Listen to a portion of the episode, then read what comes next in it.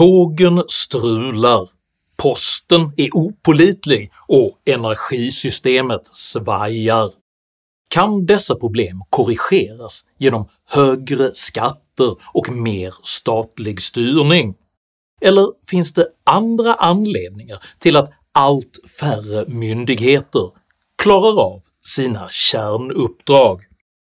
Dessa frågor tar jag upp i veckans video om statens förfall. Uppskattar du mina filmer så hjälper du mig att kunna fortsätta göra dem om du stöttar mig via något av betalningsalternativen här nedanför. Det är endast ert generösa stöd som gör denna kanal fortsatt möjlig, så ett stort STORT tack till alla de av er som bidrar. Jag släpper en aktuell ny video varenda lördagsmorgon klockan 08.00 svensk tid, så se till att prenumerera, bli notifierad och att följa min Substack som finns länkad i videons beskrivning. För idag talar jag om politik, produktivitet och prioriteringar. Häng med!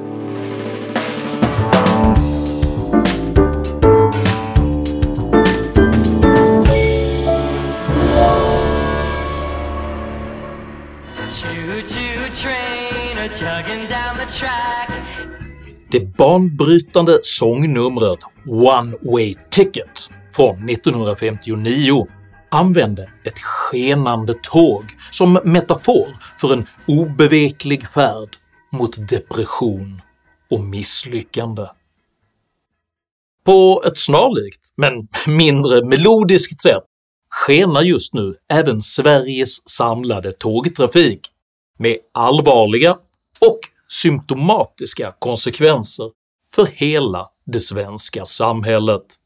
Några av huvudproblemen är att tåg ställs in, att det inte finns plats, att tågen är fulla och att det inte går att planera och boka biljetter i tid på grund av strulande system och biljettkaos. Trafikverket är enligt lag skyldigt att meddela banarbeten och fördela tåglägen till järnvägsbolagen minst 18 veckor i förväg, men har sedan flera månader tillbaka endast ett par dagars framförhållning.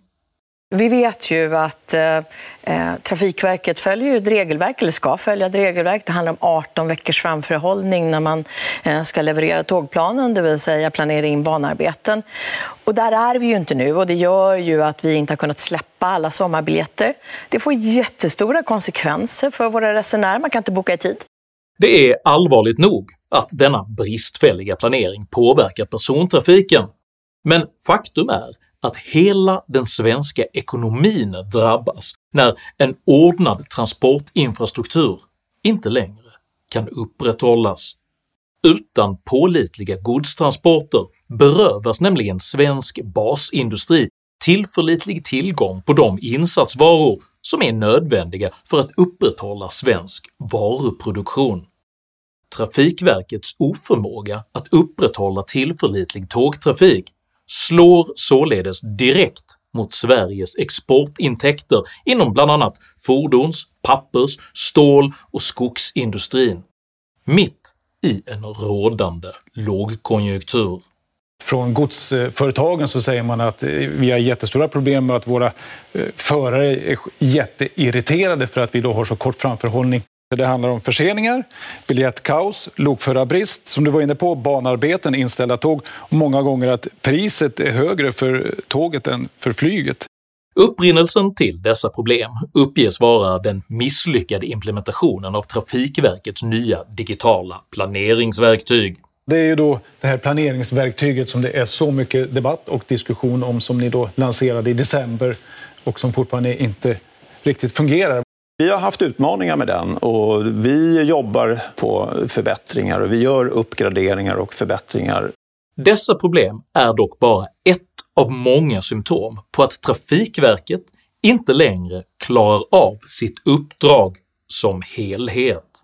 Konsekvensen av att det svenska tågnätet inte längre klarar av att hantera godstrafiken är att mängden lastbilstrafik istället ökar drastiskt, och enligt rapporten utveckling av gods på järnväg i Greater Copenhagen saknar Sverige helt kapacitet att ta emot kontinentens ökande godstrafik som är planerad till 2029.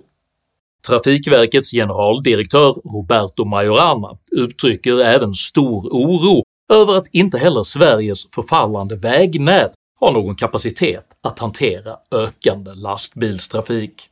Vägarnas eh, skick har försämrats, många bilvägar är gamla, de är inte byggda för dagens tunga trafik. Vägarna slits mer än ni hinner reparera, skriver ni i er eh, årsredovisning. Eh, det blir akuta, kortlivade lagningar. Trots de investeringar som vi gör. Under förra året så, så investerade vi över 16 miljarder på förbättringsåtgärder. Men, men det, blir, det blir för mycket av ad hoc och nödreparationer. Eh, och det, det, gör att eh, eh, vägstandarden försämras på sikt och det, det är jag väldigt bekymrad över. På liknande sätt har även försöken att bygga ut Göteborgs trafikkapacitet i form av den så kallade Västlänken hamnat i akut kris. Projektet beräknas redan nu bli minst sju år försenat och många miljarder kronor dyrare. Dokument som Dagens Nyheter har tagit del av fastslår bland annat i rapporten är aktuellt datum nu satt till den 31 mars år 2034, alltså drygt sju år senare. Budgeten för den här etappen sattes 2017 till 3,8 miljarder, men nu är WLCs bedömning en slutkostnad på 10,96 miljarder. Utöver detta har Trafikverket även brustit i sina upphandlingsrutiner så att man inte heller kan kräva kompensation för fördyringarna från entreprenörens moderbolag. Denna typ av ekonomisk oansvarighet är dessvärre inte heller en avvikelse, för enligt Riksrevisionens granskning “Kostnadskontroll i infrastrukturinvesteringar” från 2021 underskattar nämligen Trafikverket systematiskt kostnaderna för ny infrastruktur. Men trots att kostnadsökningarna är mycket, mycket stora omprövar regeringen sällan dess investeringsbeslut. Enligt Riksrevisionen så har ju inte ni räknat in osäkerheterna eh, tillräckligt eh, tidigt i planeringsprocessen. Att, eh, ja, mm. Lite vanvördigt kanske man skulle säga då att det är en glädjekalkyl. Glädjekalkyler havererade upphandlingar och konsekvent oförmåga att fullgöra sitt verkliga kärnuppdrag är dock inte isolerat till just Trafikverket, utan gäller nu majoriteten av Sveriges samhällsbärande myndigheter.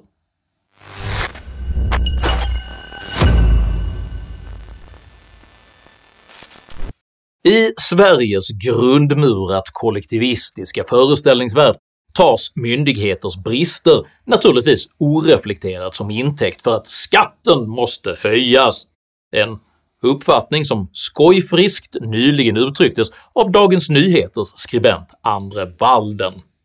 Vi skattebetalare vill inte se fler skattesänkningar och åtstramningar. Vi vill inte känna new public management-monstret härja som en binnikemask i samhällskroppen. Vi vill inte ha mer pengar i plånboken. Men trots att denna folkhemsnostalgiska våta dröm må låta både solidarisk och rimlig, så faller den i tusen bitar så snart den nagelfars med samma matematiska nit som Waldens egna gamla royalistiska astrokomedi “Rymdslottet”. För det första så har Sverige faktiskt ett betydligt högre skattetryck än den majoritet av länder där både post, tåg och energisystem fortfarande fungerar alldeles utmärkt. För det andra är det faktiskt just de socialistiska, idealistiska och omfördelande prioriteringarna som just nu håller på att förtära våra myndigheter inifrån.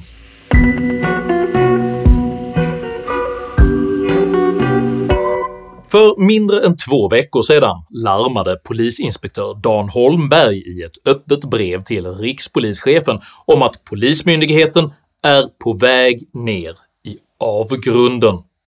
Vi ägnar hutlöst stor mängd adekvat produktionstid åt att diskutera strukturella och kulturella problem oss emellan.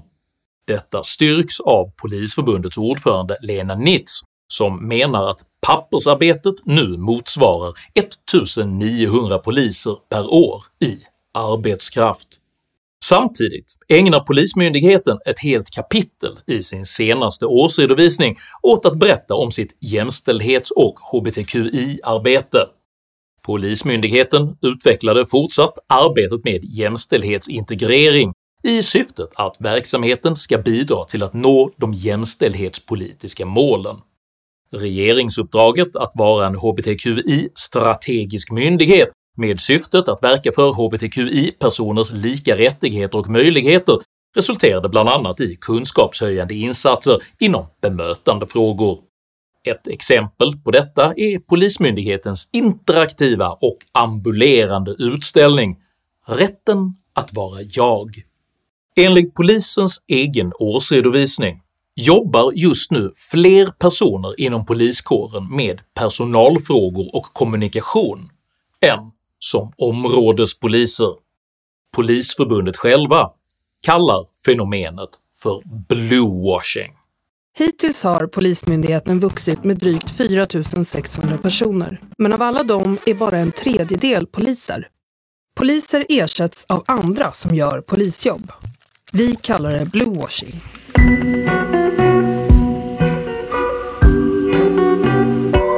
På liknande sätt beskrivs nu även Migrationsverket som en havererande myndighet, och Migrationsverkets förvar i Mölndal kritiserades nyligen skarpt av JO för allvarliga brister rörande allt från ärendehantering till ledarskap och kommunikation. Det talas om en utbredd tystnadskultur och en rädsla hos såväl anställda som förvarstagna. Flera anställda berättar att de har blivit tillsagda att avstå från att dokumentera vissa skriftliga klagomål och samtal med de förvarstagna trots att det ingår i migrationsverkets serviceskyldighet enligt förvaltningslagen. Jag har aldrig varit med om något liknande förut. Sättet man styr förvaret på, det är helt ofattbart att detta är en statlig myndighet. Det är en havererande myndighet. Än mer graverande blev reaktionerna när tidningen Fokus journalist Henrik Sjögren granskade missförhållandena på migrationsverket. En annan anonym källa berättar år 2016 “Jag möter dagligen kollegor som inte vill något annat än att ge permanent uppehållstillstånd åt alla. Vad gäller syrierna och de som säger sig komma från Syrien har det satts i system att många av dem får uppehållstillstånd som flyktingar fast de inte uppfyller kraven. Migrationsverkets kommunikationsavdelning har lagt mycket krut på att gå till motangrepp mot oss. På verkets hemsida publicerades en artikel där Fokus arbete beskrevs som missvisande och generaldirektören Mikael Ribbenvik anklagade Fokus för aktivism på verkets intranät för sina 6000 medarbetare. “Jag blev riktigt arg”, skrev han och slog bland annat ner på att vi hade intervjuat anonyma källor. Det finns goda skäl till bruket av anonyma källor.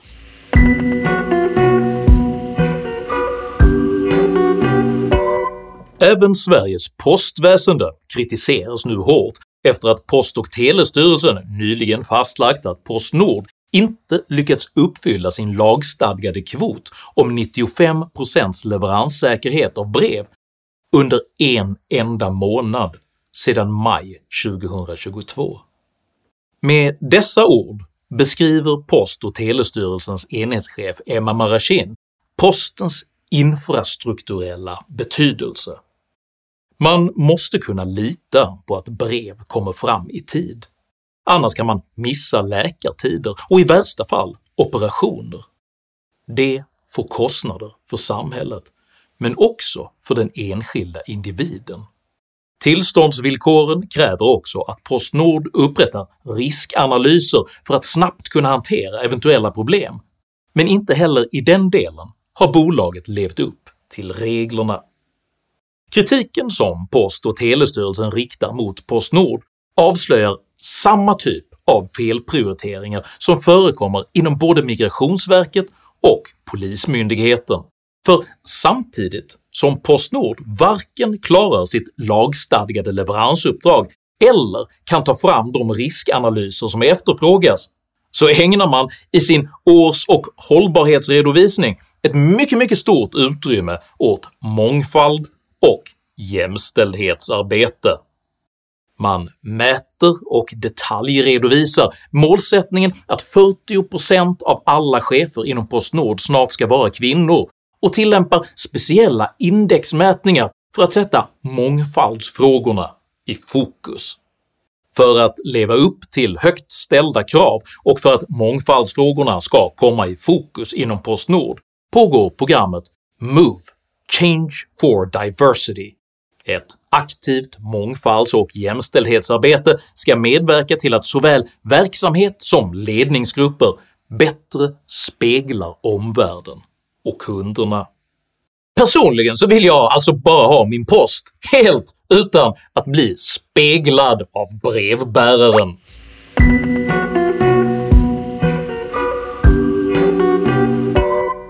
Även Energimyndigheten, vars uppdrag är att arbeta för en trygg energiförsörjning, anklagas nu av tidigare medarbetare för att ha obstruerat kommunikation om allvarliga energipolitiska säkerhetsrisker under den pågående valrörelsen. Följande är ett utdrag ur en intervju i Svenska Dagbladet gjord av Peter Wennblad. Gustav och hans kollega försökte på olika sätt få informationen att nå regeringen, men myndighetsledningen stretade emot, och när Gustav själv kontaktade en regeringstjänsteman poängterade denne särskilt att departementet inte ville ha skriftlig information eftersom den då behövde diarieföras. Gustav blev uppringd av en chef som var arg och stressad. Att förklara “tidig varning” vore ett regeringsomvälvande beslut. “Det kan vi inte göra”, sa han. Det var ju mitt i en valrörelse som i mångt och mycket handlade om hur regeringen hade misskött energipolitiken, och en tidig varning skulle spä på den bilden. Detta är den sammantagna orsaken till att myndigheterna inte längre klarar av att utföra sina kärnuppdrag. Det handlar inte om pengar. Det handlar inte om svåra förutsättningar, och det handlar absolut inte om att vi behöver mer statlig styrning. Tvärtom är det just kortsiktiga och politiskt opportunistiska prioriteringar som eroderar myndigheternas funktionsduglighet. Transportstyrelsen måste prioritera ett fungerande järnvägsnät och dugliga transportleder, inte kolossala miljöpartistiska prestigeprojekt. Polisen måste prioritera brottsbekämpning, inte administration, kommunikation och jämställdhetsarbete. Migrationsverket måste prioritera hanteringen av vilka människor som ska få befinna sig i Sverige, inte åt friserad kommunikation, aktivism och tystnadskultur. Posten måste prioritera leverans av brev och paket, inte könskvotering av chefer eller att försöka spegla sina kunder. Och Energimyndigheten måste prioritera Sveriges energisystem, inte skydda regeringens ideologiska och opinionsmässiga intressen. För alternativet till detta är som Nils Sedaka sjöng redan 1959 att ensam tvingas gråta dårskapens tårar på ett skenande tåg. I cried a tear so well. Om du uppskattade innehållet i denna video så hjälper det mycket om du delar den med dina vänner och kanske till och med stöttar mitt arbete via något av betalningsalternativen här nedanför. Dela även gärna med dig av dina egna åsikter och erfarenheter i kommentarsfältet, men jag ber dig att alltid vara artig. Jag accepterar inte aggression, personpåhopp eller rasism i mina idédrivna kommentarsfält. Tack för att du som kommenterar respekterar detta. Jag heter Henrik Jönsson, och jag sätter kärnuppdrag före värdegrundsarbete. För mig och tack för att du har lyssnat.